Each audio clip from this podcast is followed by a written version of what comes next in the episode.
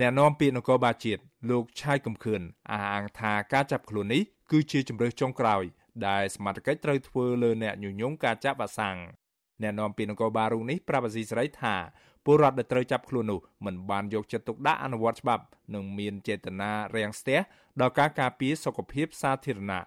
លោកបន្តថាមុនឈានដល់ការអនុវត្តច្បាប់សមាជិកបានអប់រំវិធានការរដ្ឋបាល ឬពិន័យជាប្រាក់ បើនិយាយពីអប់រំហ្នឹងមិននឹងអប់រំប្រហែល10000ឆ្នាំទៀតទេមុនរដ្ឋាភិបាលចេញច្បាប់ក៏ក៏អប់រំអស់ចិត្តដែរហើយបានបាច់ចិត្តនឹងសេច្បាប់ចេញច្បាប់ឲ្យប្រកាសឲ្យជ្រួតជ្រាបគ្រប់កន្លែងគ្រប់តំបន់ទៀតសំដែងសំខាន់ថាគាត់យកចិត្តទុកដាក់អត់មិនមែនមកន័យថាយើងផ្សព្វផ្សាយទៅគាត់យកច្បាប់អស់ទេបានគាត់យកចិត្តទុកដាក់ក្នុងការអនុវត្តច្បាប់សមាជិកបានចាប់ខ្លួនពលរដ្ឋជាបន្តបន្ទាប់បែបនេះខណៈលោកនាយករដ្ឋមន្ត្រីហ៊ុនសែននៅថ្ងៃទី16ខែមេសា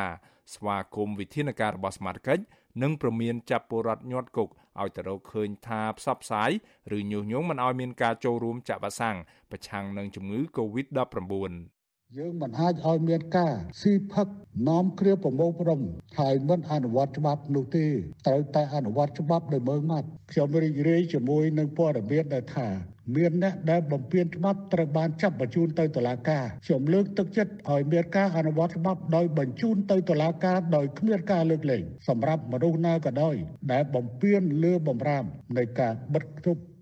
ទោះយ៉ាងណាក្រុមអ្នកឃ្លាំមើលសិទ្ធិមនុស្ស លើកឡើងថាករណីពលរដ្ឋរិះគន់រឿងចាក់វ៉ាក់សាំងព្រោះតែពួកគេមិនទាន់យល់ដឹងច្បាស់អំពីប្រសិទ្ធភាពនៃវ៉ាក់សាំងដូច្នេះហើយពលរដ្ឋមានសិទ្ធិរិះគន់ក្រុមអ្នកឃ្លាំមើលថាអាជ្ញាធរមិនគួរប្រើវិធានច្បាប់ឬចាប់ចងចោតប្រកាន់ពលរដ្ឋនោះទេប្រធានអង្គការសម្ព័ន្ធភាពការពារសិទ្ធិមនុស្សកម្ពុជាហៅកាត់ថាច្រាក់លោករស់សថា សង្កេតឃើញថាវ៉ាក់សាំងឲ្យពលរដ្ឋភៀសច្រើនចាក់គឺជាវ៉ាក់សាំងចិន ប៉ុន្តែប្រសិទ្ធភាពនៃវ៉ាក់សាំងនេះត្រូវបានរាយការណ៍ថាខ្សោយជាងវ៉ាក់សាំងផ្សេងផ្សេងទៀតដូច្នេះហើយពលរដ្ឋមានសិទ្ធិរិះគន់វ៉ាក់សាំងនេះលោកបន្តថាពលរដ្ឋមួយចំនួនមិនបានដឹងថាការបញ្ចេញមតិរបស់ពួកគេនៅតាមបណ្ដាញសង្គមគឺជាទង្វើខុសច្បាប់នោះទេសូម្បីតែខ្ញុំធ្វើការហ្នឹងក៏មានកន្លែងខ្លះខ្វះចន្លោះដែរ អញ្ចឹងពាក់ព័ន្ធនឹងឯកទេសដែលខ្ញុំត្រូវធ្វើការដូច្នេះហើយគឺថាសម្បំប្រជាប្រដ្ឋដែលគ្នា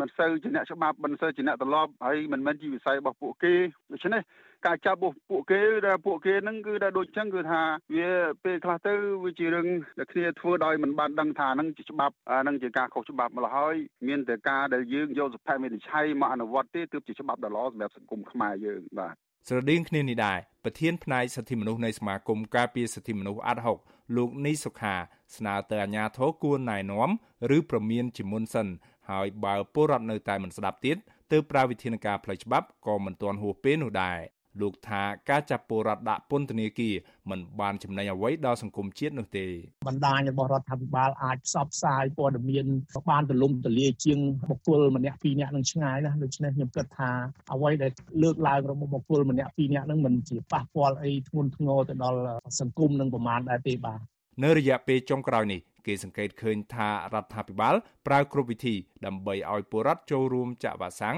ដែលវ៉ាក់សាំងភាគច្រើនជាវ៉ាក់សាំងរបស់ចិន ស្របពេលដែលរដ្ឋាភិបាល កំពុងអនុវត្តផែនការចាក់វ៉ាក់សាំងបង្ការជំងឺ Covid-19 នៅទូទាំងប្រទេសនាយករងទទួលបន្ទុកផ្នែកឃ្លាំមើលសិទ្ធិមនុស្សនៃអង្គការលីកាដូលោកអំសមាតសង្កេតឃើញថាការទទួលបានព័ត៌មានស្ដីពីការចាក់វ៉ាក់សាំងនិងច្បាប់ COVID នៅមិនទាន់ជ្រួតជ្រាបឬទូលំទូលាយដល់ពលរដ្ឋនោះទេ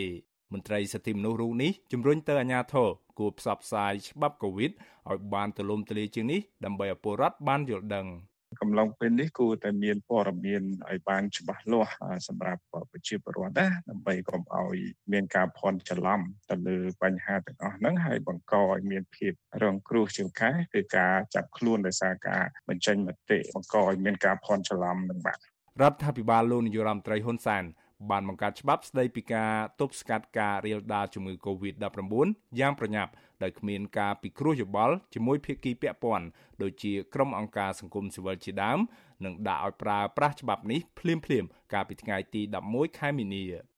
ក្រុមអ្នកជំនាញសិទ្ធិមនុស្សអន្តរជាតិក៏បានសម្ដែងការព្រួយបារម្ភជាថ្មីពីការប្រើប្រាស់វិធានការច្បាប់នៅក្នុងអំឡុងពេលឆ្លងរាលដាលនៃជំងឺ Covid-19 នៅពេលនេះដែរ អ្នកជំនាញសិទ្ធិមនុស្សរបស់អង្គការសហប្រជាជាតិ3នាក់និយាយកាលពីពេលថ្មីៗនេះថាការប្រើច្បាប់ស្តីពីវិធានការទប់ស្កាត់ការឆ្លងរាលដាលនៃជំងឺ Covid-19 ដែលមានទាំងការដាក់ទោសទណ្ឌរហូតដល់20ឆ្នាំ និងពិន័យជាប្រាក់ផងនោះគឺជាការរឹតបន្តឹងលើសេរីភាព និងសិទ្ធិមូលដ្ឋានរបស់ពលរដ្ឋ អ្នកជំនាញរបស់អង្គការសហប្រជាជាតិជំរុញឲ្យរដ្ឋាភិបាលពិនិត្យនិងកែប្រែច្បាប់ស្តីពីការទប់ស្កាត់ជំងឺ Covid-19 ឡើងវិញដើម្បីឲ្យស្របតាមបទដ្ឋានសិទ្ធិមនុស្សរបស់អន្តរជាតិខ្ញុំបាទមេរិតអាស៊ីស្រីរាយការណ៍ពីរដ្ឋធានី Washington